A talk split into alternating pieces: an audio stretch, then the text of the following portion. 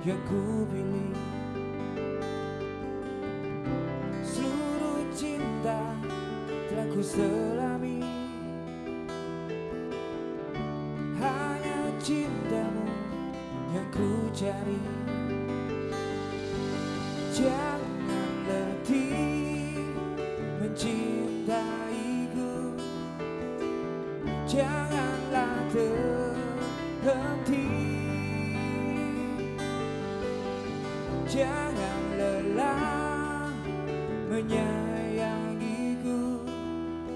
敢不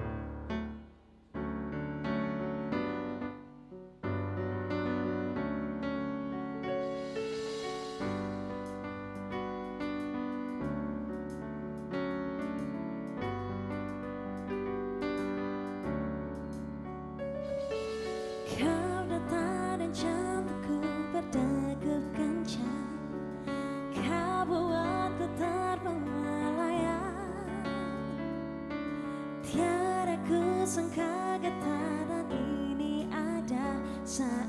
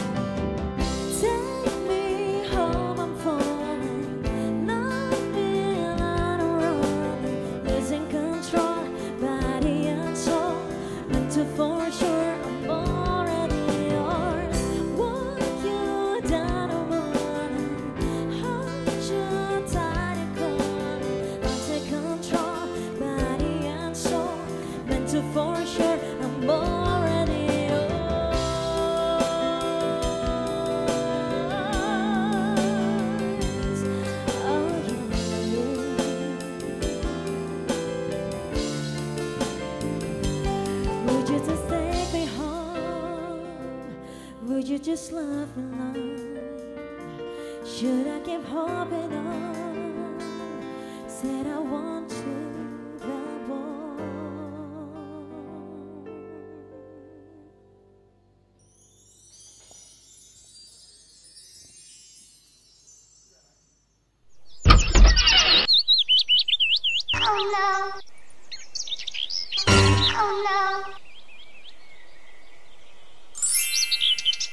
Wah.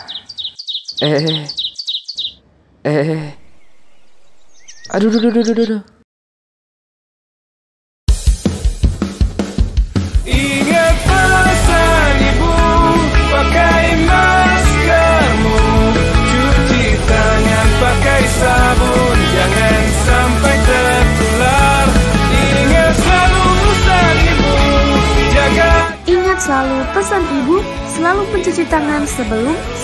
Dan sesudah berpergian, hentikan penyebaran COVID-19.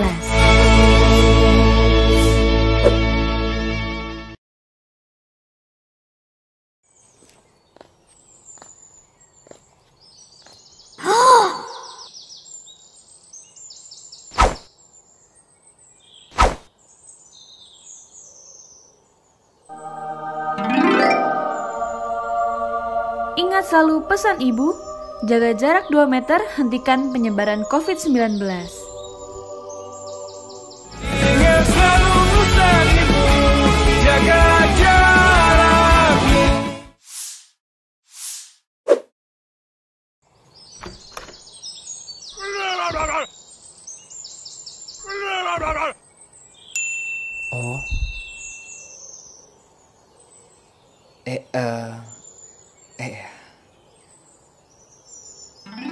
Selalu pesan ibu, selalu menggunakan masker, hentikan penyebaran COVID-19. Ingat pesan ibu Pakai maskermu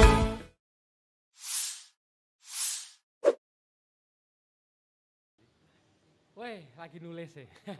Baiklah, selamat malam. Assal- Assalamualaikum warahmatullahi wabarakatuh. Ketemu lagi di tempat yang sangat nyaman ini. Sudah berapa kali sih? Dua kali ya.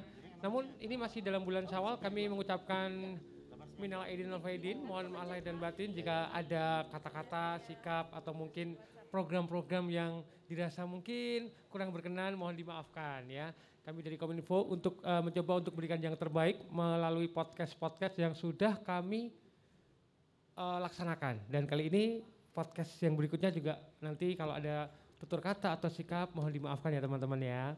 Nah dan kami juga mengingatkan untuk teman-teman semua yang nanti eh, sedang nonton dan pengen bertanya kepada dua narasumber kita, silahkan jangan ragu-ragu. Nanti ada tiga penanya yang akan kita bacakan pertanyaannya.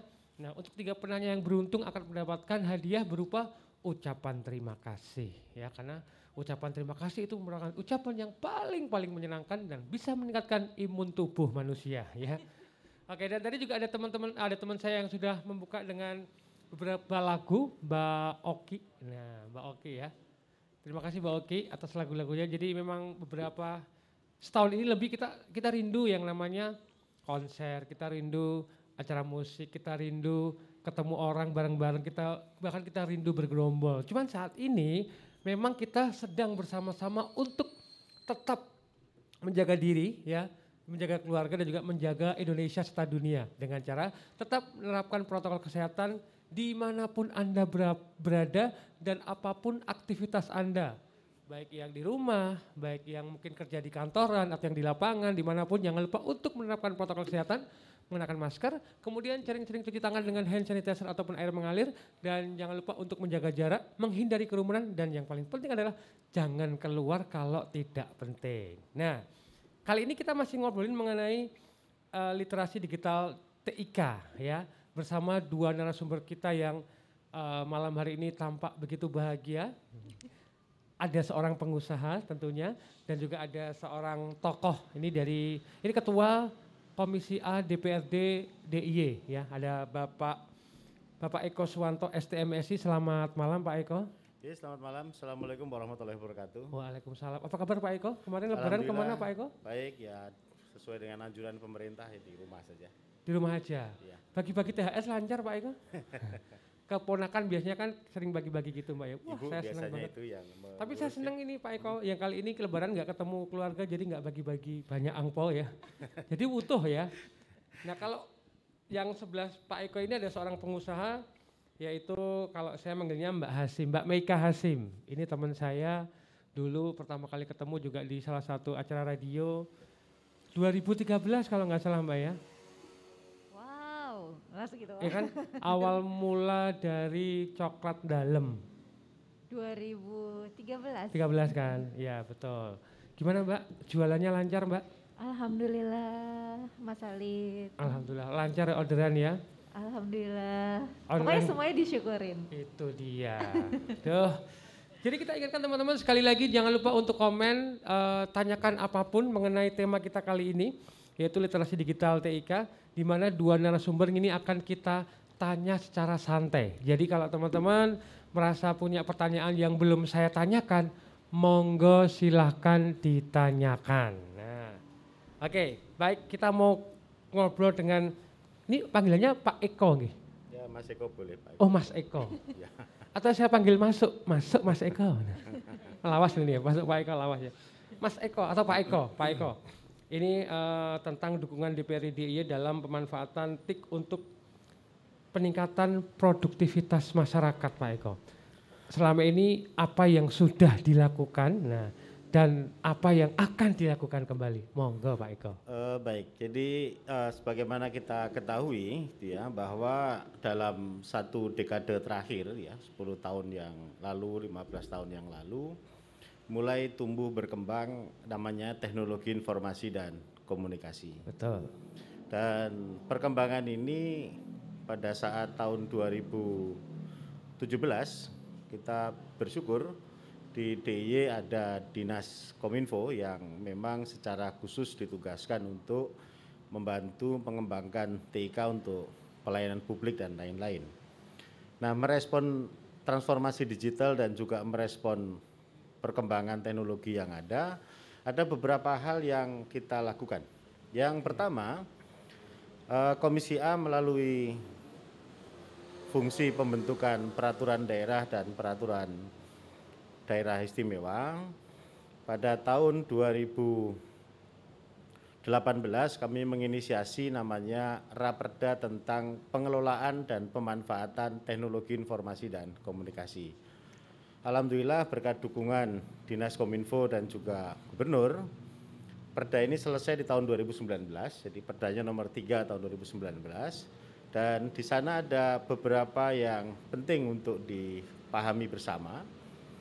Yang pertama bahwa tujuan dari Perda itu adalah yang pertama untuk memastikan pelayanan publik dapat dilaksanakan dengan baik oleh Pemda DIY dengan memanfaatkan teknologi informasi dan komunikasi. Yang kedua untuk meningkatkan kinerja pemerintah daerah, jadi untuk konsolidasi internal gitu ya. Kemudian yang ketiga untuk mewujudkan keamanan dan ketertiban umum, sebagaimana kita ketahui, misalnya kerjasama antara Pemda dan Polda DIY untuk itilang di setidaknya ada empat tempat yang sudah kita kerjasamakan dan Alhamdulillah MOU dengan Kapolda juga sudah selesai. Waktu itu saya bersyukur diundang hadir ya untuk MOU pemanfaatan TIK dengan Polri. Demikian juga dukungan terhadap TNI. Nah kemudian yang berikutnya adalah pemanfaatan TIK ini untuk membantu penanggulangan bencana. Iya. Dan yang berikutnya adalah untuk pemberdayaan ekonomi rakyat. Nah, ada ada perda yang lain yang sudah kita susun juga, yakni perda tentang perlindungan koperasi UMKM dan industri kreatif, yang di dalamnya ada pemanfaatan TIK untuk mendorong proses bisnis itu. Nah, itu payung hukumnya. Kemudian yang kedua, dari sisi kelembagaan kita memberikan kepercayaan kepada Dinas Kominfo untuk mengkonsolidasikan perencanaan TIK di Pemda DIY. Nah, Nah, yang yang terbaru adalah tahun 2020 di bulan Maret ya. Kita ketahui ada pandemi Covid-19, ya, ada pandemi Covid-19 yang membuat tatap muka menjadi tidak tatap muka atau dikenal daring dan juga berbagai teknologi yang lainnya. Rapat-rapat kemudian harus menggunakan teknologi informasi dan komunikasi ya, jual beli juga begitu dan lain-lainnya. Nah malam hari ini saya bersyukur mendapat undangan dari Dinas Kominfo bisa bersilaturahmi dengan eh, Mbak Meika ya, yang sehari-hari bekerja bisnis di apa ini Coklat. apa namanya coklat dalam ya. Iya, betul. Terima kasih tadi sebelum acara saya disuruh nyoba dulu katanya. Ya.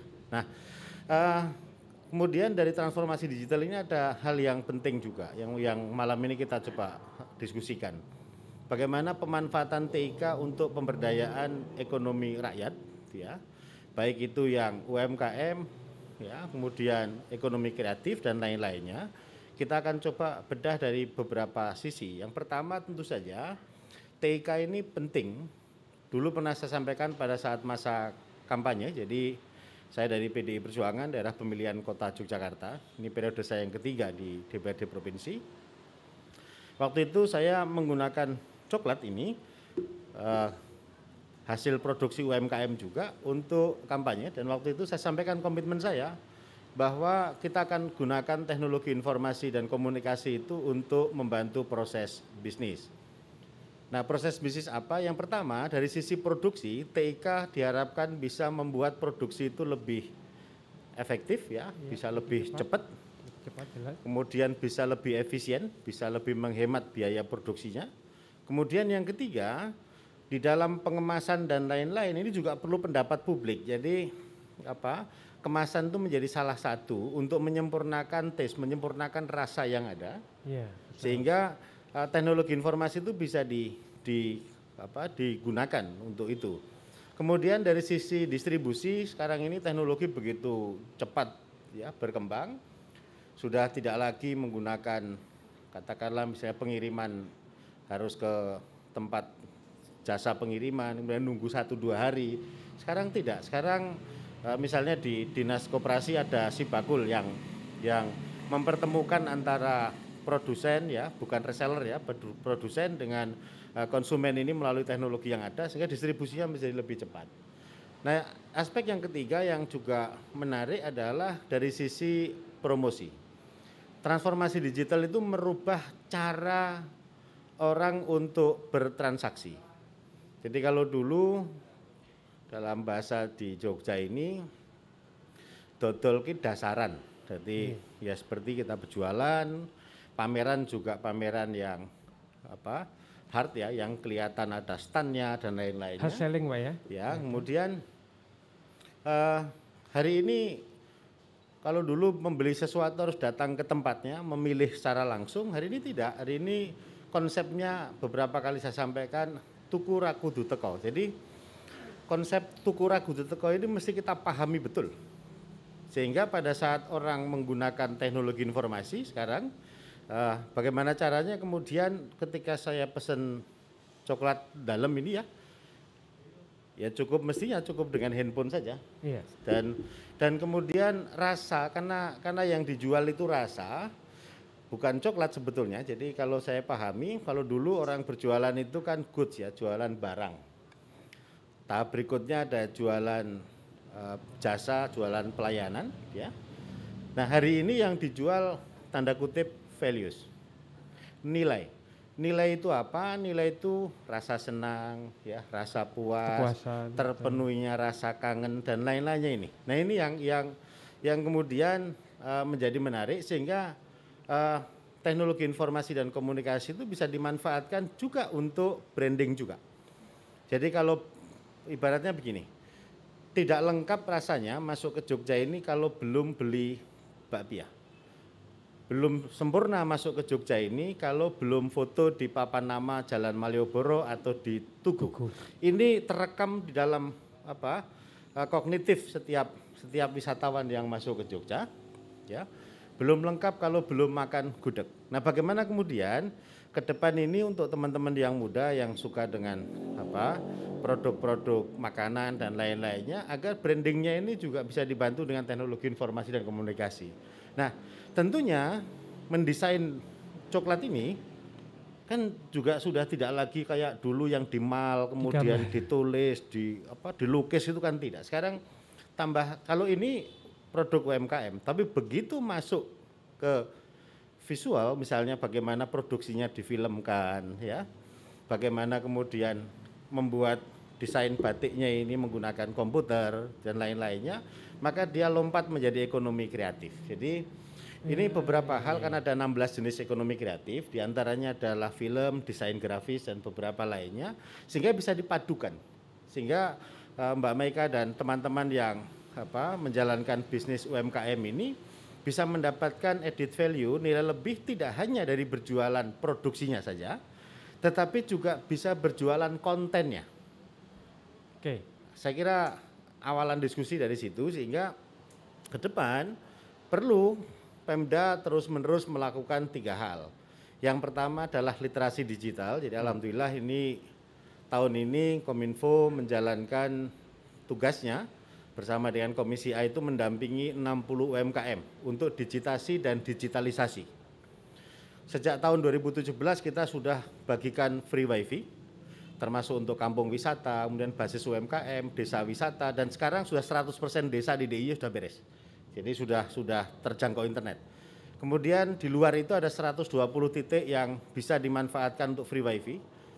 Ya, yang yang harapannya itu bisa menjadi mini co-working space.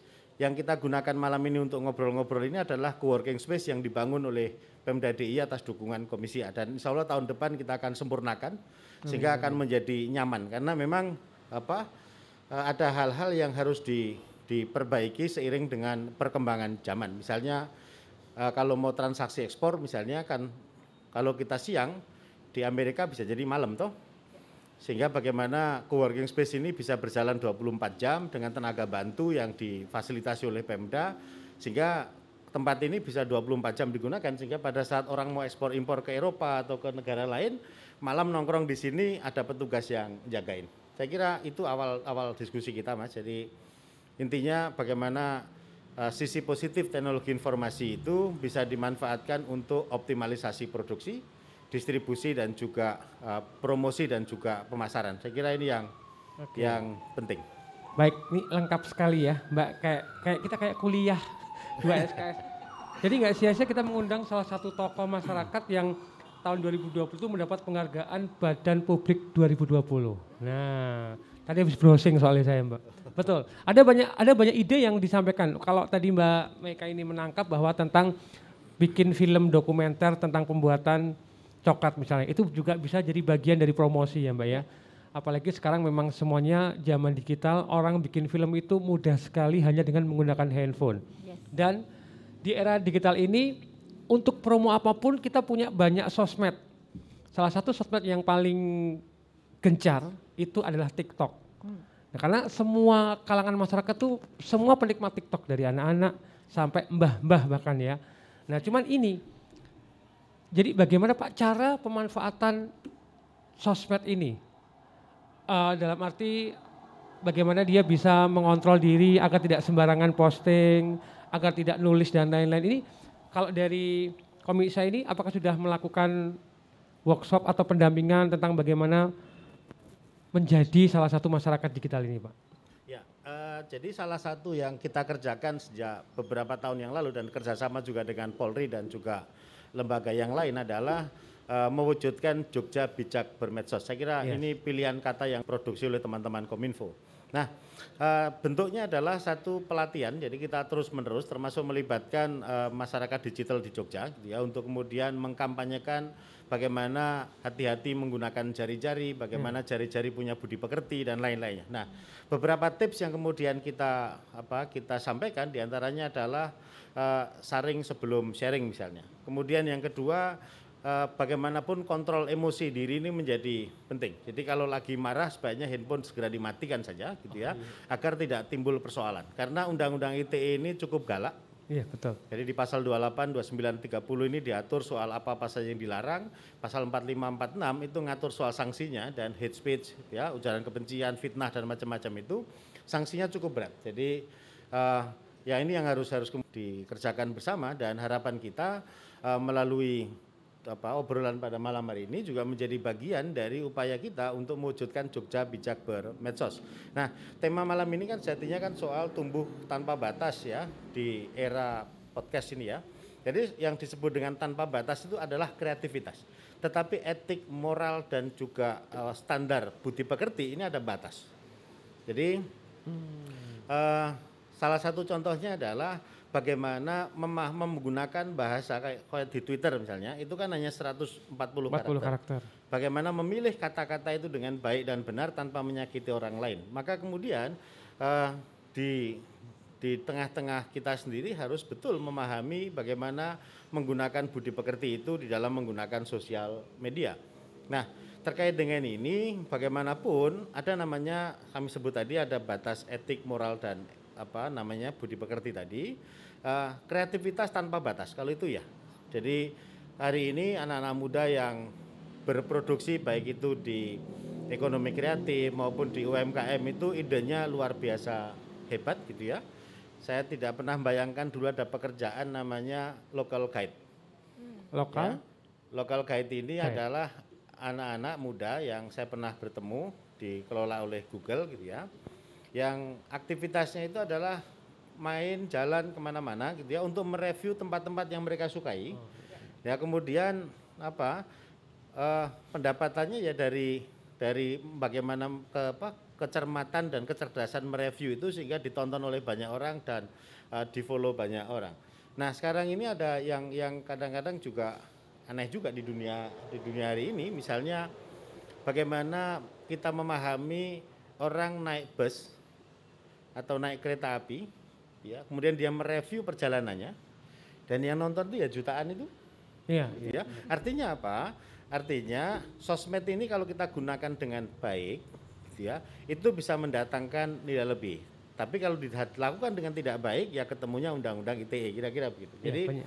eh, Jogja Bijak Bermedsos itu kita kembalikan untuk bagaimana eh, mari kita para elit di Jogja ya, baik elit politik maupun elit Pemda untuk memberikan contoh. Dan kami pun juga bersama Kominfo melakukan patroli cyber. Jadi Patroli cyber. untuk. ASN dan juga tenaga bantu serta outsourcing di lingkungan Pemda DIY kita lakukan apa eh, namanya patroli cyber dan mereka yang kemudian sesuai dengan surat edaran Menteri Pan RB kalau mereka diketahui misalnya ya menolak Pancasila atau mendukung ideologi lain ya tidak ada pilihan lain dikeluarkan dari ASN dan kemudian diproses hukum. Ini ini beberapa kebijakan yang kita apa kita lakukan termasuk kita kerjasama juga dengan teman-teman netizen untuk bersama-sama kemudian memproduksi konten-konten yang baik termasuk yang sudah dikerjakan oleh Komisi A bersama Dinas Kominfo itu adalah membuat aplikasi untuk COVID. Jadi apa eh, COVID yang yang berkembang ini sudah ada eh, aplikasinya dan masyarakat bisa mengikuti dari hari ke hari baik itu petunjuk untuk menghadapi COVID maupun perkembangan kasus COVID di Jogja. Ya. Dan harapan kita ke depan eh, teknologi ini semakin bisa dikembangkan. Tapi pesan saya adalah bagaimanapun ini teknologi hanya alat saja. Karena dia alat saja, maka harus kembali pada diri kita dan kita harus memberikan teladan untuk menggunakan sosmed ini dengan baik. Betul, etika, moral dan juga budi pekerti Pak ya. Ya. Jangan asal unggah tapi jangan lupa unggah-ungguh katanya. ya. Itu yang Ya. paling penting. Nah, Pak tadi aplikasi yang untuk COVID boleh tahu Pak? Ya, itu Yang nanti Jogja mungkin- Corona.go.id ya. Jadi sudah sudah Jogja Corona Mm-mm. .co.id. Ya, biar teman-teman tahu mengenai update tentang corona yang ada di ini khusus DIY Pak ya. Ya, jadi eh, corona.jogjaprof.go.id. Jadi ini Corona. sudah corona. .go.id. Ini perkembangan-perkembangan terkait dengan apa COVID yang yang bisa kita ikuti secara online dan itu up to date. Jadi, Update ya? Ya. Anu ya. Oke, baik. Kalau pemerintah sudah memberikan fasilitas dan juga sudah memberikan edukasi, tentunya masyarakat sudah eh, sangat pas untuk memanfaatkannya, ya. Teknologi ini ono, carane ono, bahkan diajarkan cara mengontrol. Nah, sekarang Mbak Hasri, Mbak Meka Hasim sebagai masyarakat U- UMKM Mbak ya, boleh ya? Coklat dalam ini boleh boleh cerita Mbak ini seperti apa sih eh, belajarnya untuk memanfaatkan TIK dalam mendukung produktivitas khususnya yang terkait pengembangan atau produksi coklat dalam. Iya, thank you Mas Halid. Tadi kayak yang disampaikan sama Pak Eko, tuku rakudu teko gitu ya. Tuku rakudu itu, teko, betul. Itu jadi satu satu momen di mana COVID-19 ini kan jadi tantangan tersendiri nih. Kita basisnya kan tadinya banyak di offline, Hmm. kerjasama sama toko oleh-oleh kayak gitu ya. Menunggu eh, apa namanya turis datang ke Jogja beli Hmm. oleh-oleh kayak gitu. Terus begitu COVID kan berhenti semua nih. Yes. Nah, tahun 2020 bulan Maret itu kita langsung shifting. Jadi yang tadinya basisnya secara penjualan eh, saya bilang 80% lebih kita ada di offline. Sekarang kita 80 persennya di online. Terbalik malah Mbak ya. Terbalik jadinya. Terbalik. Jadi begitu bulan Maret ke tahun kemarin kita langsung masuk di beberapa marketplace di Indonesia. Terus langsung jadi official marketplace. Begitu jadi official marketplace malah salah satunya juga sebutin deh yang dua marketplace terbesar Tokopedia sama Shopee gitu ya. Terus begitu kita masuk jadi official marketplace, kita jadi ditawarin jadi masuk international marketplace-nya Shopee. Oh. Nah, malah jadi eh, begitu masuk marketplace jadi punya kesempatan lagi buat kita bisa ekspor ke Singapura, Malaysia sama Filipina. Karena produknya jadi available di Shopee Internasional.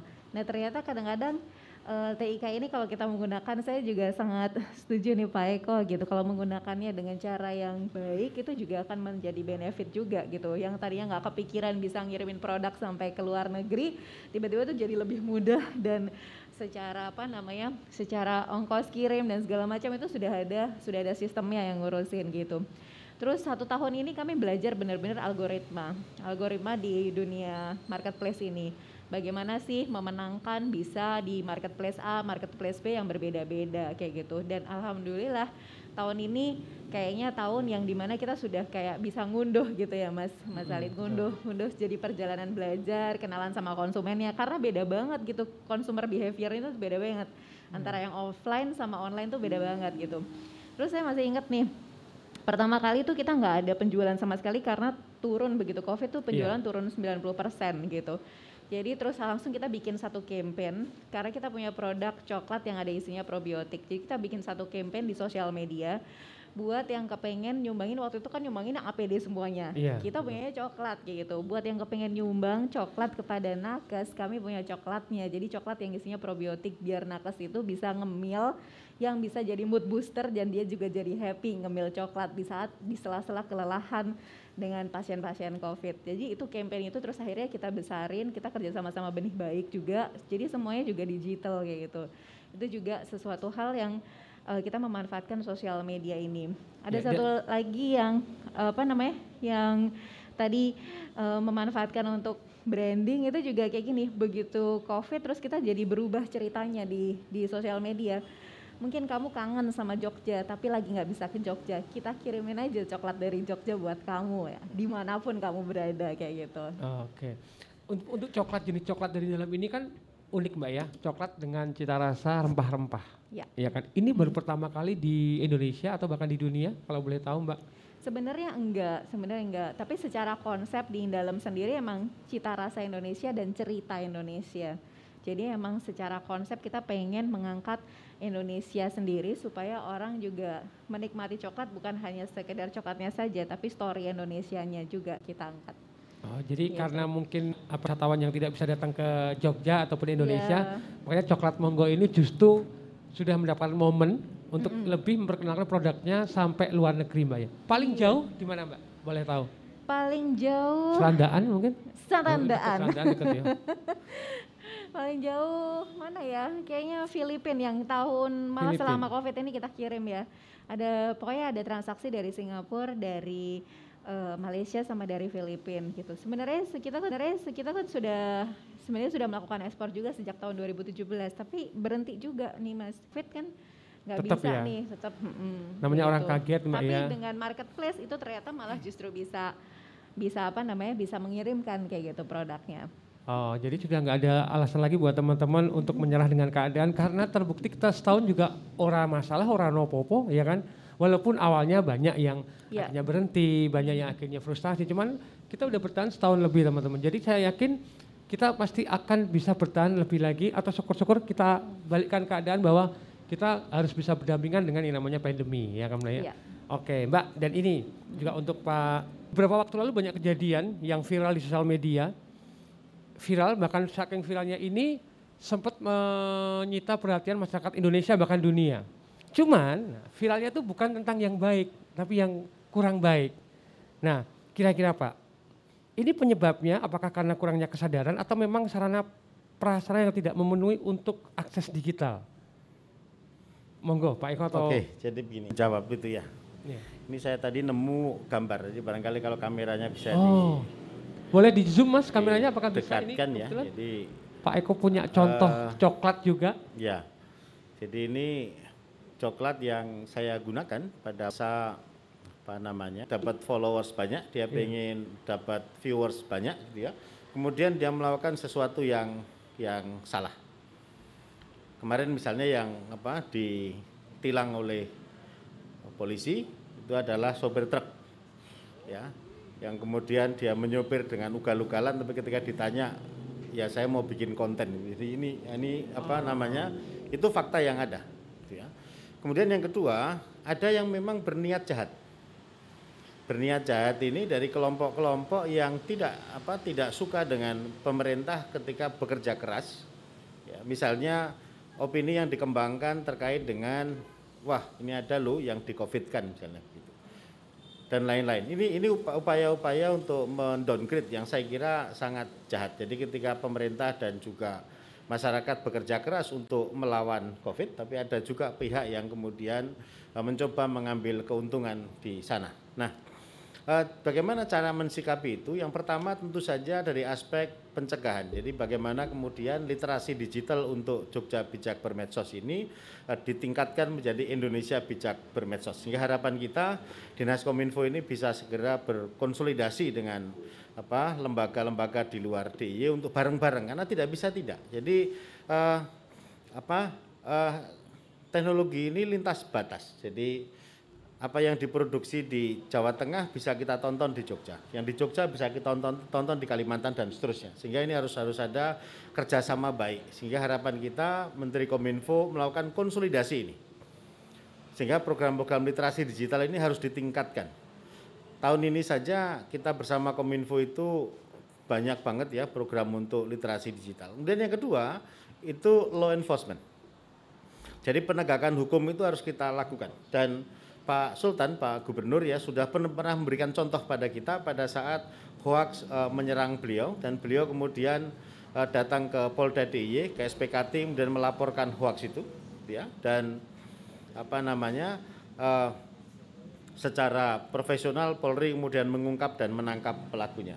Saya pun sudah beberapa kali datang ke Polda untuk melaporkan itu, bahkan dalam pemilu yang lalu pun juga ada hoak yang eh, terkait dengan apa tuduhan surat suara yang telah dicoblos di Tanjung Priok misalnya. Jadi kita laporkan dan alhamdulillah pelakunya ditangkap. Nah terkait dengan COVID ini, eh, hoax, hate speech dan juga fitnah ini satu kejahatan luar biasa. Jadi ini termasuk extraordinary crime. Maka kepada Polri kita dukung penuh tindakan tegasnya. Jadi kalau sudah apa namanya menyebarkan berita bohong, menyebarkan fitnah terkait dengan penanganan COVID, tidak ada pilihan lain. Harus penegakan hukum di, dikedepankan. Ini untuk memberikan pelajaran betul kepada para pelaku dan juga aktor-aktornya untuk kemudian menyadari bahwa eh, negara ini serius di dalam menangani COVID. Dibayangkan saja untuk menangani satu pasien COVID di DIY ya, di DIY itu ini ya, antara yang non ventilator dan dengan ventilator itu biayanya sangat mahal. Tadi siang saya diskusi dengan Pak Agung dari Dinkes eh, dan juga teman-teman yang dari Satpol PP terungkap bahwa untuk pembiayaan COVID yang non ventilator satu hari dan beberapa hari itu antara biayanya jadi antara ya pada saat se- apa, sejak masuk sampai keluar biaya paling rendah itu di angka 19 juta Paling rendah Pak ya? paling rendah. Nah paling tinggi yang ventilator yang berhari-hari di sana itu sampai 350 juta dan semua dibiayai oleh negara. Jadi ini ini yang saya kira perlu dipahami, perlu disadari bahwa eh, negara ini sungguh-sungguh. Termasuk vaksinasi pun sekarang sudah masuk ke tahap yang keempat, jadi sudah mulai mulai berjalan dan tadi siang misalnya untuk saudara-saudara Satlinmas kita berkomitmen untuk segera didaftarkan sebagai apa namanya peserta vaksinasi berikutnya. termasuk tokoh-tokoh masyarakat yang ada. Ini ini yang saya kira penting sehingga kesadaran. Nah, harapan kita Pemda itu menunjuk juru bicara selain juru bicara aspek Covid-nya juga juru bicara yang mampu menjawab berbagai persoalan di tengah-tengah masyarakat, pertanyaan masyarakat ya. Misalnya pertanyaan sederhana nih. Pak, kalau pasien positif Covid kemudian karantina mandiri di rumah dapat bantuan apa enggak, Pak? Misalnya gitu. Ini kan harus segera direspon oleh Pemda melalui dinas terkait. Tapi baiknya memang Satgas atau gugus tugas menunjuk satu atau dua orang yang menjadi juru bicara untuk menangani krisis itu, sekaligus untuk meluruskan eh, hal-hal uh, buruk yang viral tadi. Nah, yang terakhir yang juga penting adalah Pemda harus menggalang, mengkonsolidasikan netizen. Netizen di Jogja itu kan hebat-hebat dan baik. Jadi saya kira uh, teman-temannya Mbak Meika, temannya Mas Alit ya. Mas Alit, Bapak. Dan teman-teman ini kan influencer. Kalau ini bisa digandeng, Kominfo kan sudah menggandeng Mas Jo ya, masyarakat digital Jogja dan lain-lain. Ini harus diperluas terus-menerus agar cerita tentang apa yang dikerjakan oleh pemerintah daerah ini sampai ke publik. Sama dengan orang berjualan coklat, promosinya sekarang ada di gadget. Saya kira itu yang harus harus disampaikan. Pesan harus jelas, harus tegas dan jangan panjang-panjang kalau ke publik. Jadi harus harus apa, apa namanya uh, pendek saja tapi memberikan uh, keterangan yang yang benar. Oke, cukup lengkap sekali ya. Memang harus menggandeng teman-teman influencer agar kita bisa memerangi sesuatu yang viral yang tidak baik kita lawan dengan yang baik ya. Walaupun kadang-kadang uh, tidak selalu diselesaikan dengan hukum pak, karena dengan cukup dengan materai akhirnya wah selesai. Itu yang mungkin yang menjadi apa namanya orang berani nyoba-nyoba sesuatu yang viral tapi nggak baik. Ah, aku paling damai santai wae. Nah, tapi jangan jadi patokan karena banyak kejadian yang akhirnya juga dihukumkan ya. Oke kita akan break dulu, ini panjang sekali ngobrol sekali, luar biasa ini Pak Eko dan juga Mbak Maika. Nah kali ini kita akan menyaksikan salah satu yang terdampak COVID juga Pak teman saya, Mbak Oki. Nah dia juga memanfaatkan TIK ini secara baik melalui uh, platform digital musik, Spotify dan lain-lain. Untuk itu kita akan dengarkan satu lagu dari Oki Kumala. Silakan, De Oki mahasiswanya Mbak Meika.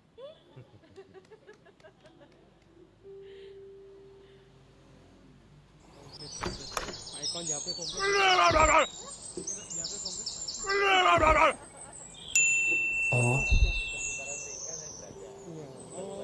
Eh, uh, eh. Ingat selalu pesan ibu, selalu menggunakan masker hentikan penyebaran COVID-19. Ingat pesan ibu, pakai maskermu.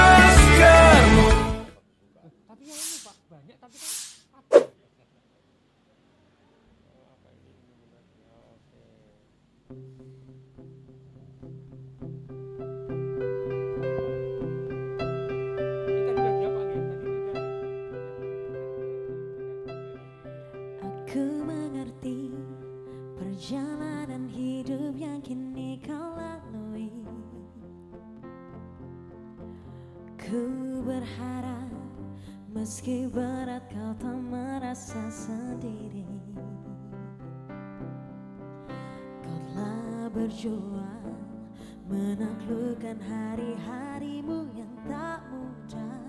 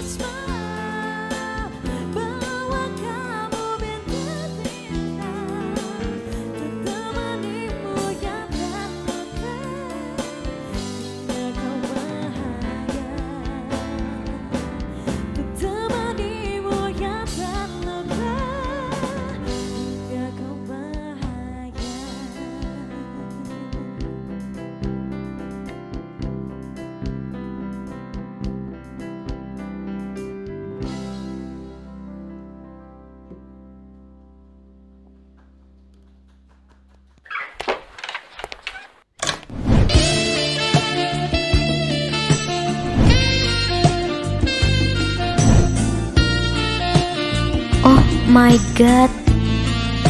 Oh no. Hmm. Eh, eh, eh, mas, maskernya dipakai dulu. Hehehe, Sini mas, sini mas, aku kasih masker. iya mbak. Hmm, aku kira mereka terpesona. Terpesona, aku. Nah mas, selain memakai masker, kita juga harus taat terhadap protokol kesehatan yang lainnya, seperti mencuci tangan dengan sabun dan air, menjaga jarak, dan juga mengurangi mobilitas dan menghindari kerumunan. Bersama lawan COVID-19, Jogja bisa. Jogja Eling waspodo.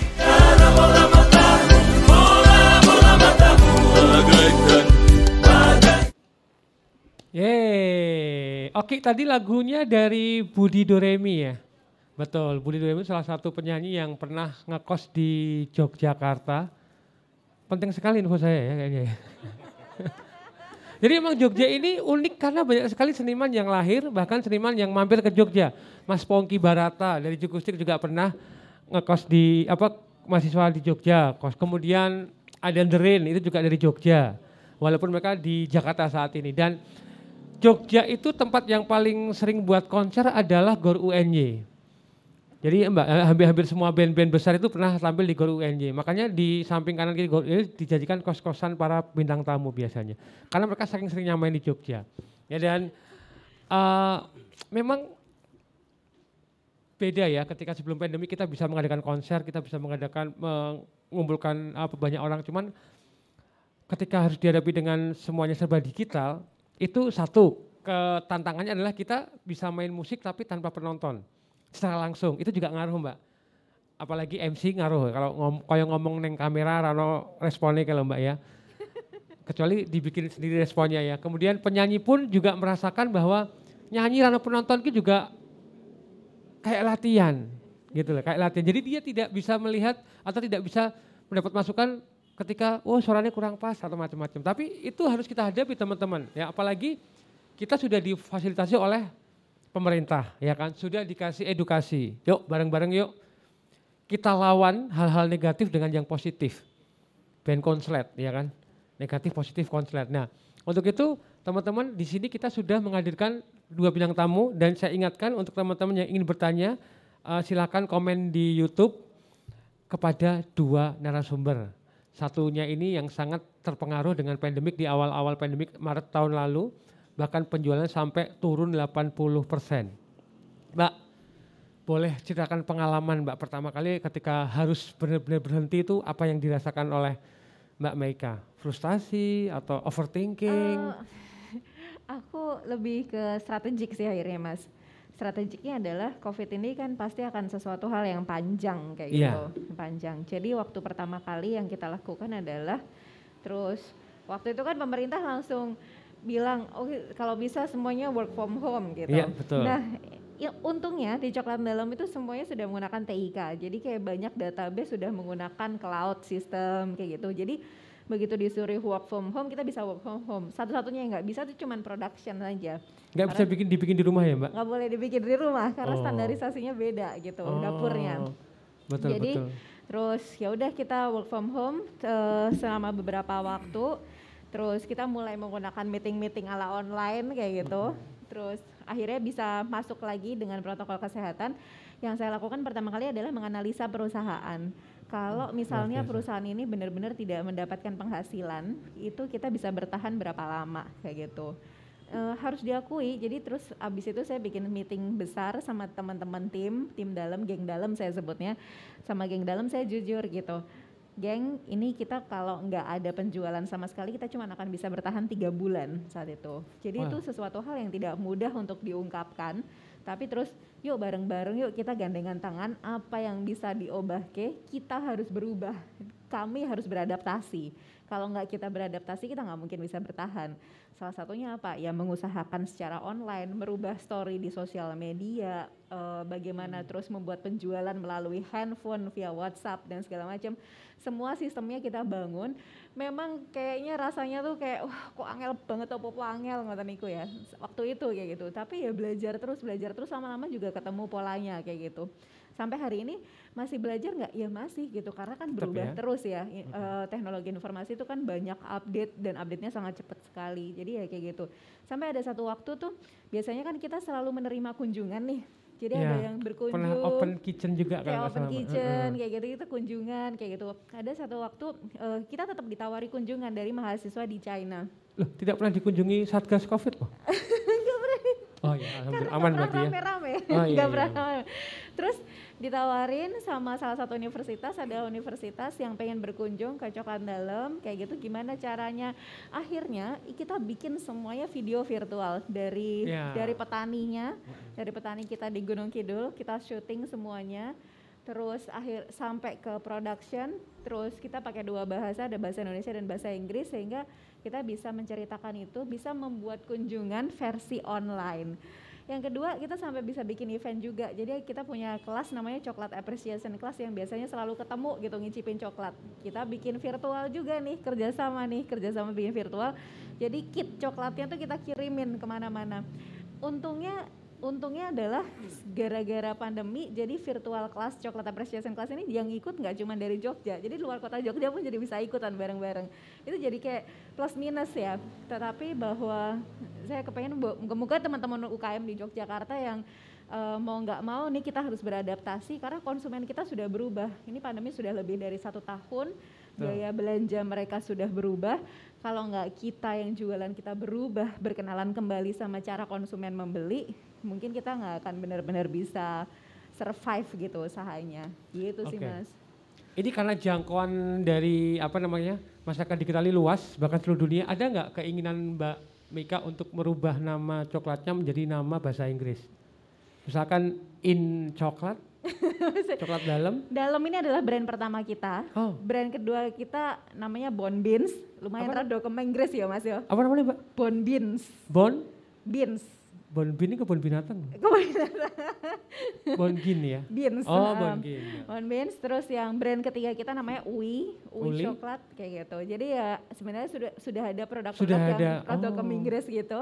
Yang Ya. memang segmen marketnya berbeda-beda. Kalau kayak Ui coklat memang untuk Gen Z, jadi memang semuanya di push secara online sekarang kayak gitu.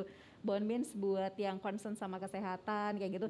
Nah di tahun 2020 ternyata ada sesuatu hal juga loh yang akhir eh, alhamdulillah gitu di saat hal yang tidak mudah buat kita bertahan ternyata si packaging Bon Beans yang bisa menceritakan petaninya di mana, kakaonya ditanam di mana itu ternyata kita mendapatkan penghargaan juara tiga menang packaging di ASEAN Korea Excellent Design Award Exhibition Wah. Korea. Yeay. Bahasa Inggris kabeh, nggak bisa bahasa Inggris. Nggak bisa bahasa Inggris. Iya, iya, itu iya, iya, juga iya. gara-gara uh, packagingnya bahasa Inggris menceritakan petaninya, diproduksinya gimana, terus Iya. itu benar-benar 100% Yogyakarta yang akhirnya kita juga senang banget sih di saat yang tidak mudah mendapatkan penghargaan secara packaging bisa menceritakan Indonesia dan kakaonya gitu. Ini bagian dari penguasaan literasi dengan baik Yes. Dengan kondisi digital Mbak ya. Iya. Jadi dimanfaatkan teman-teman. Boleh dikenalkan menggunakan bahasa Inggris. Bahkan di daerah Klaten itu ada makanan angkringan yang terpaksa digunakan dirubah jadi bahasa Inggris biar lebih menjual Mbak. Namanya ini apa namanya cassava underground. Kesapa. Telo pendem Mbak gitu. Pendem. Jadi orang lebih kenal, makanya penting sekali karena kita punya banyak pelanggan bahkan dari mancanegara, Hmm. ya kan? Jadi bagian dari literasi adalah yuk belajar bahasa Inggris bareng-bareng, ya kan? Nggak harus pinter, nggak harus eh, cah tapi yang pasti penyampaiannya pun bisa gampang atau diterima oleh masyarakat yang menerima Yang dari penting you dong I dong mas. Yes, yes, yes, kertas-kertas nek zaman semono. Nah, kalau dari pemerintah Pak, kira-kira ada nggak Pak keinginan untuk anu Pak Eko? Oh, ini cocok ini bahasa Inggris. Kira-kira dari pemerintah untuk yuk kita bikin workshop bahasa Inggris untuk masyarakat umum, apa pun pekerjaannya. Ya, jadi tentu saja karena ini apa namanya transformasi digital ini terjadi merata di seluruh wilayah, maka tidak ada salahnya kemudian apa belajar bahasa asing sebagai bagian dari upaya untuk apa namanya promosi dan marketing oke. Tapi tetap harus dengan identitas kejogjaan yang saya sebut tadi. Iya, Jadi mengapa? Karena orang datang ke Jogja ini pertama ada yang reuni, ada yang nostalgia, ada yang kangen-kangenan gitu ya. Yang apa? Bakmi Jawa itu kan kalau di bahasa Inggris kan jadi aneh. Bakmi itu bahasa Inggrisnya Ya. noodle, Javanese Iya. noodle. Misalnya begitu. Iya. Sementara eh, gudeg misalnya ini di bahasa Inggris kan kan susah. Susah ya. Jadi biarkan dengan identitas itu, cuman kemudian cara berkomunikasinya saja. Oh, Jadi saya malah justru tidak setuju kalau kemudian dibarat-baratkan atau di apa di luar-luarkan Oh, begitu. Ya, biarkan dia dengan identitasnya yang ada dan orang biar mengenal itu dengan cara bahasanya sendiri-sendiri. hmm. Jadi, nah kemudian yang pemerintah daerah lakukan bersama dengan komisi A itu kan ada tiga saya sebut tadi. Yang pertama adalah pembangunan infrastruktur. sudah Jadi- terlaksana Pak ya? Ya, sedang berproses. Sedang Jadi, berproses. eh, alhamdulillah 438 desa dan kelurahan di DIY sudah terjangkau internet hari ini. Berapa? 400 438 delapan desa. desa dan kelurahan se-DIY alhamdulillah sudah terjangkau internet ya. Kemudian eh, Gratis pas- Pak ya? Ya, jadi Gratis. dibiayai oleh Pemda yang itu berasal dari pajak rakyat gitu ya. Nah, kemudian yang kedua apa namanya eh, jaringan fiber optik dan juga apa karena Covid kemarin jangkauan internet kita sudah menjangkau ke sekolah setingkat SMA SMK dan juga ke pondok pesantren dan lain-lain untuk memudahkan eh, akses komunikasi di dalam proses belajar mengajar. Nah, dari sisi sarana prasarana menurut kita sudah baik, tapi tidak cukup dengan baik. Pemda harus good to great, harus eh, dari baik menjadi hebat kira-kira begitu. Jadi eh, hebatnya dari mana? Hebatnya itu pada pemanfaatan teknologinya. Jadi jangan sampai kemudian wifi kita pasang tapi digunakan untuk konsumsi, terus. Nah. untuk nonton game, untuk nonton YouTube dan lainnya. Dia harus digunakan untuk produksi dan belajar. Sarana prasarana yang lain yang sudah kita kerjakan adalah co-working space. Nah, harapan kita 120 titik free wifi itu itu untuk mini co-working space. Jadi orang bisa bekerja di sana, orang bisa bikin video di sana, orang bisa bikin konten di sana, orang bisa berproduksi di sana. Harapan kita begitu. Nah, ini tinggal kerjasama dengan swasta. Harapan kita swasta juga memberikan jalan. Jadi misalnya hotel, restoran dan lain-lain, tolong dong RW sekitar situ diberesin internetnya, gitu ya. sehingga Oh. tidak semuanya harus pakai APBD juga. Gitu ya. Iya, Nah, yang berikutnya adalah pelatihan. Nah, yang terakhir yang yang sedang kita kerjakan dalam waktu 2-3 bulan terakhir ini saya sangat concern ini adalah mensinergikan antara pemangku kepentingan di Pemda untuk urusan pemanfaatan TIK ini.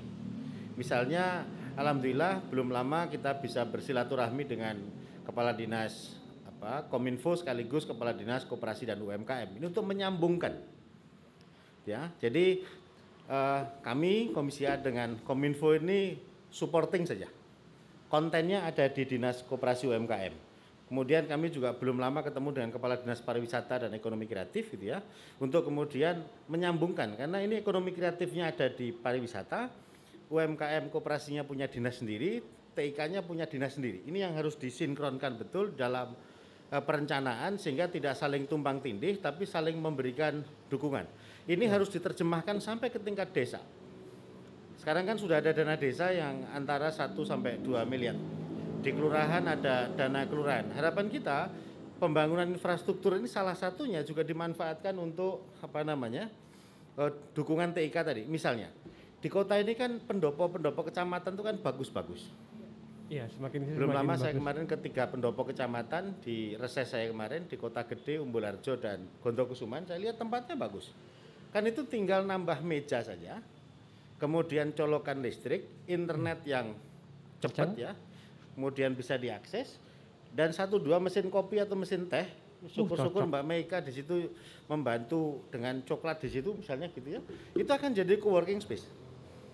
Kolam renang mungkin Pak, butuh. Eh, Oke. Oh iya. Nah, saya kira tem- banyak tempat yang kita bisa gunakan. Sehingga coworking space itu tidak perlu dibayangkan yang mewah atau mahal tidak. Jadi Manfaatnya banyak yang tempat yang ya. digunakan pendopo kecamatan bisa, pendopo kelurahan bisa, pendopo desa juga bisa. Yang intinya adalah tempat orang untuk berproduksi, tempat Oh. orang untuk me- melakukan kegiatan yang positif, syukur-syukur mendapatkan nilai lebih secara ekonomi.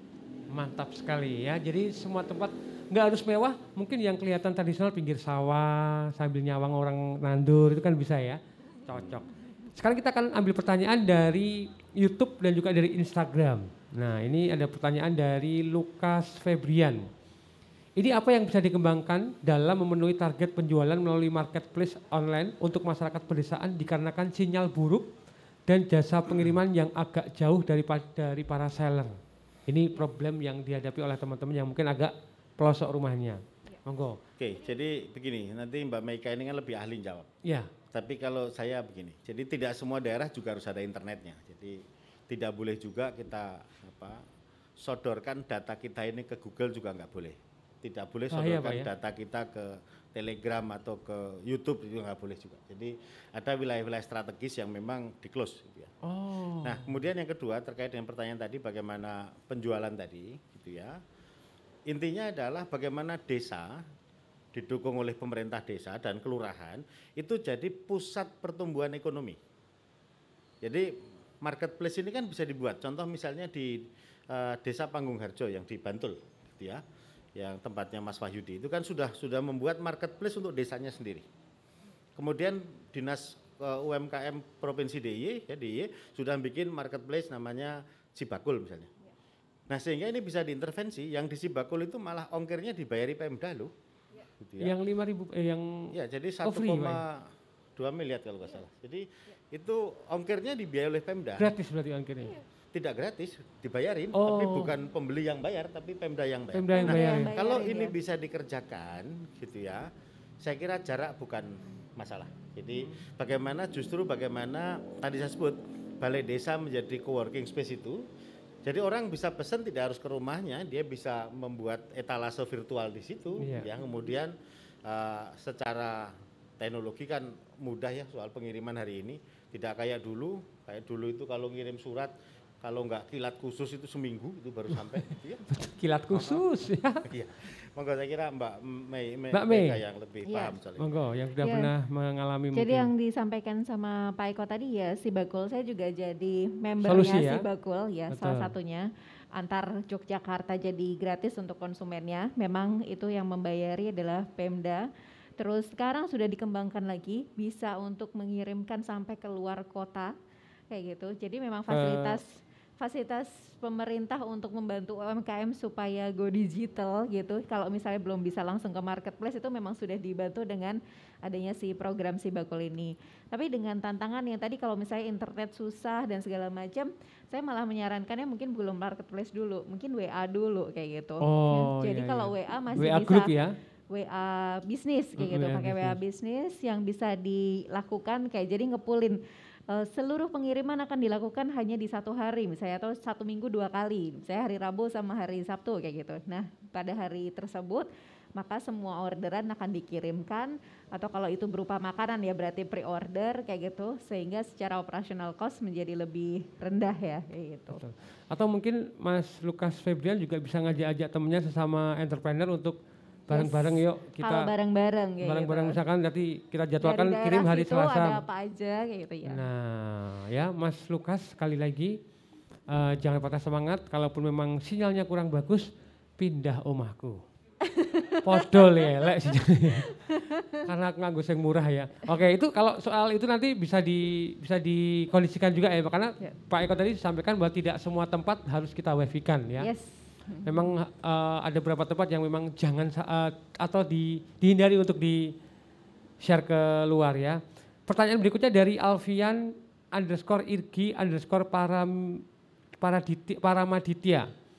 Ini bagaimanakah upaya efektif yang harus ditempuh agar UMKM tersebut bisa dikenal di masyarakat luas, baik lokal, domestik maupun mancanegara. Nah ini butuh anu apa namanya influencer, follower saya 20 ribu, 18 ribu beli, langsung kan ke Mas Alit. tapi ulas saya tuku aku mbak. Iya. Kalau mau dikenal memang mau nggak mau ya pilihannya cuma dua, Iya. organik atau iklan. Kalau iklan ya bisa dengan iklan yang konvensional, iklan di sosial media atau menggunakan influencer. Itu pasti akan cepat kayak gitu. Eh, ini belajar belajar berbagi aja nih sama Mbak eh Mas atau Mbak nih Mas Alfian, Al- Irgi Paramaditya itu Mas dan Mbak gitu. ya? Wong Kakak Mbak. Alfian deh, Kakak Alfian. Kakak Alfian ya. Kakak Alfian, eh, pengalaman kita di coklat dalam kita organik, jadi memang butuh waktu yang sangat panjang gitu. Kita baru benar-benar mainan di iklan itu setelah kita benar-benar belajar digital lebih lanjut supaya nggak boncos istilahnya kayak gitu. Hmm. Jadi eh, mulai belajar iklan, di- malah justru di pandemi ini kami malah melakukan iklan karena The power of kepepet ya. The power of kepepet, Betul. terus belajar, terus bisa iklan. Memang kayaknya ngeluarin budget, tetapi dengan mengeluarkan budget, awarenessnya naik, penjualannya juga naik. Nah itu Betul. sih. Pokoknya jangan takut tombok ya. jangan takut tombok, benar. Jadi kalau Mbak eh, Kak Alfian ini bisa lebih jeli, ada banyak sekali teman-teman influencer yang dia juga bikin program gratis sharing Betul melalui banget. Instastory. Itu kesempatan yang bisa Anda Ya. cek ya. Sering-sering kepo aja nggak apa ya. Kepoin Asal jangan jangan semua di DM ya. Nanti kamu bisa di blok repot malahnya. Oke, pertanyaan terakhir. Ini monggo yang mau jawab Pak Eko atau Mbak Meka. Dari Eva Kartika, bentuk pemasaran digital mana yang lebih baik, CEO atau PPC? Wah kemasan, kemasan apa mas? Eh, pemasaran digital mana yang lebih baik, Oh, CEO pemasaran Heeh. digital. atau PPC? PPC ini di kamar Value mandi. proposition canvas. Wah, Iya, iya. Wah iki koyo kuliah mas nih. Mas, Mbak, ono pertanyaan sing marah migran lah. Iki sepele pertanyaan itu mah. Value ini. proposition. si Aku curiga sing tekon iki jangan-jangan temannya Pak Eko ini ya. SEO, em, SEO organik kayak gitu. Kalau nggak mau organik, SEO organik. Jadi harus banyak website yang me- melakukan apa namanya harus kerjasama sama influencer yang menulis di website. Kalau kita mau bicara SEO kayak Hmm, gitu. oh Tapi iya. SEM berarti iklan kayak gitu. Berarti iklan. Kalau VPC value proposition canvas, oh ki- metu kabeh ki kuliah. Dosennya keluar. Dosennya metu. Dosennya keluar. Value proposition canvas itu bukan pilihan, itu wajib punya, Mas. Value Harus. proposition canvas itu bahasa bahasa eh, eh, apa namanya? Mudahnya adalah kamu mesti punya keunikan produkmu sendiri. Nek kue ora unik ya kan susah buat kita Iya. jadi memenangkan target market atau pasar kayak gitu. Contohnya ini coklat dalam dengan rasa Iya, uh, rempah-rempah gitu. ini ada rasa mengkudu mbak ya. Ih, rasa apa, Mas? Mengkudu nama. Kudu. Tiga belum tak gondongan ini loh mbak. belum, belum tak bikin, habis ini enggak tak bikin ya. Oh iya iya iya. Siapa tahu kan tadi sudah prebiotik ada. Ya kan mungkin mau di eh, coklat dalam dengan rasa mengkudu berarti pangan gondongannya mari. Ya kan siapa tahu. Atau eh, coklat dengan rasa gotri berarti pangan dibacok rapopo kan bisa mbak. Apa sih yang enggak di dunia digital yang serba jelas ini ya. Oke, Mas Alit. Iya, eh, moga Pak Eka mau nambahin. Mencoba urun rembuk. Jadi apa namanya? eh, ada ada strategi marketing yang sederhana sebetulnya. Jadi kebetulan saya dulu sebelum di DPRD ini apa pernah bekerja di situ. Jadi handphone kita ini kan berisi kontak Ya. WhatsApp, ya, Twitter, Telegram, Facebook dan teman-temannya sosmed lah kira-kira begitu. Artinya ini market yang pertama. Ya. Market yang direkomendasikan karena secara personal dia kenal, ya, secara personal dia mengerti. Jadi yang yang menarik dari penjualan values itu yang berbeda dengan barang sama jasa tadi adalah ketika saya mendapatkan coklat ini, maka saya melihat coklat ini. Yang kedua, mengetahui coklat ini, apa sih yang menarik? Di sini ada tulisan tadi ya? Oh ini. Tanda hati dari Yogyakarta misalnya. Asik. Gitu ya. Dan itu ditandakan dengan ada batik teruntum maupun apa ini sidomukti. misalnya. Nah. Eh, tahap berikutnya adalah to understand, jadi mengerti. Yang berikutnya to believe. Jadi to see, to know, to understand, to believe. Jadi mel- eh, melihat kemudian apa mengetahui ya, mengerti dan juga mempercayai. Baru kemudian orang membeli atau mengkonsumsi sesuatu. Nah, tahapan menuju ke sini kalau di di kita di di apa di tengah-tengah masyarakat itu ada namanya tutur. Jadi cerita yang berkembang di tengah-tengah masyarakat seperti kalau di kampung, di pedusunan atau di perkampungan itu marketingnya tukang pijet tradisional. Kebetulan saya ini punya sahabat pijet banyak.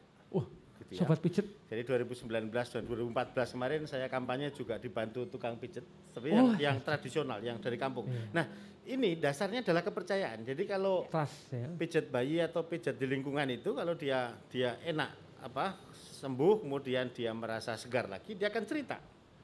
Oh. Nah, bagaimana kemudian eh, menjual ini juga sama. Nah, kemudian yang eh, terakhir terkait dengan pemanfaatan teknologi tadi, eh, bagaimana kemudian mengidentifikasi market.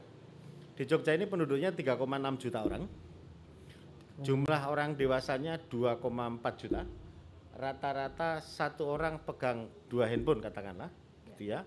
Berarti ada delap, eh, ada 4,8 juta handphone satu handphone bisa dua nomor dan seterusnya. Artinya potensi market di DIY itu sangat luas. Nah, mari kita kenali potensi market itu, kemudian mari kita mulai mempromosikan dengan cara yang sederhana, mulai dari teman-teman, keluarga, sahabat, ya, karib dan lain-lain. Orang-orang Maka terdekat dulu ya. Pemda kemudian bertanggung jawab untuk ikut mempromosikan. Jadi ini saya kira harus ada intervensi dari dari pemerintah daerah untuk ikut mempromosikan dan juga memasarkan. Jadi misalnya untuk gift ya, untuk apa? Kan sering kali ada pertemuan antar Pemda atau kementerian datang atau rombongan presiden datang, kan bisa untuk oleh-oleh. Jadi duitnya pakai duitnya Pemda, yang belinya barangnya UMKM gitu loh. Jadi ini Oh. bisa bisa jalan bareng. Saya kira marketnya cukup luas dan kuncinya adalah bagaimana kita memanfaatkan peluang di tengah-tengah ancaman pandemi Covid ini yang namanya transformasi digital untuk kita mulai meningkatkan produksi, memperbaiki distribusi, promosi dan pemasaran dengan menggunakan TIK. Kompleks sekali Pak Eko. Oh mantap sekali. Mbak Meka mau memberikan penutupan? Tadi Pak Eko mungkin sekaligus penutupan ya. Kompleks sekali. Mbak Meka sebagai salah satu penemu coklat isi gotri silakan. Eh, buat teman-teman UMKM di Yogyakarta kayak gitu kayaknya nomor satu sih adaptasi mas kayak Adaptasi. gitu adaptasi saya tahu mungkin digital itu mungkin buat yang belum pernah benar-benar belum pernah terjun ke dunia digital pasti mungkin sesuatu hal yang tidak mudah. Tetapi ternyata semua bisa dipelajarin. Nggak apa-apa fokus dulu satu persatu. Nggak usah terus diborong semuanya harus punya gitu. Bisanya baru WA pakai WA dimaksimalkan. Lalu bisa beralih ke Instagram tambahin lagi. Terus belajar lagi nanti bisa masuk ke marketplace tambahin lagi. Jadi kayak gitu.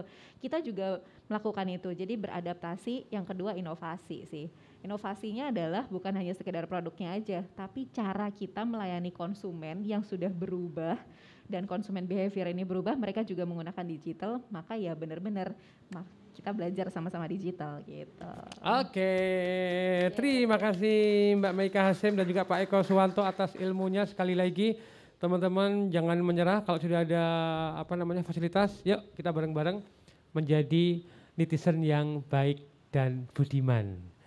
Mohon maaf kalau ada kata-kata salah atau sikap yang kurang berkenan di hati Anda semata-mata hanya ingin membawakan acara dengan santai. Untuk itu, sampai ketemu lagi di podcast berikutnya. Saya Ali Jabang Bayi undur diri. Selamat malam. Wassalamualaikum warahmatullahi wabarakatuh. Kita sambut ini dia Krisdayanti. Eh, tutup ya.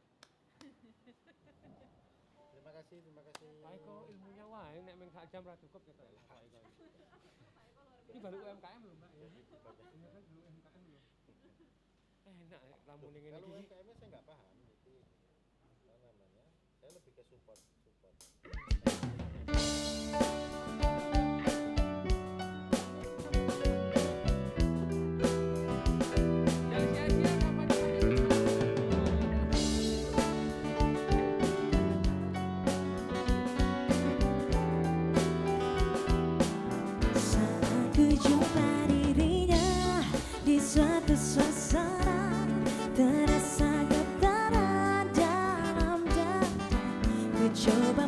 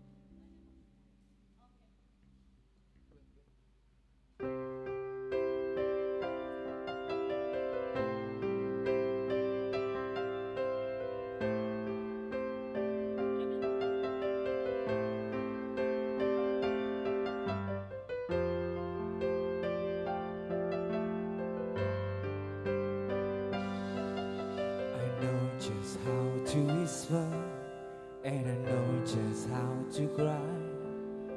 I know just where to find the answer And I know just how to lie. I know just how to fake it And I know just how to scheme I know just when to face the truth And I know just when to dream.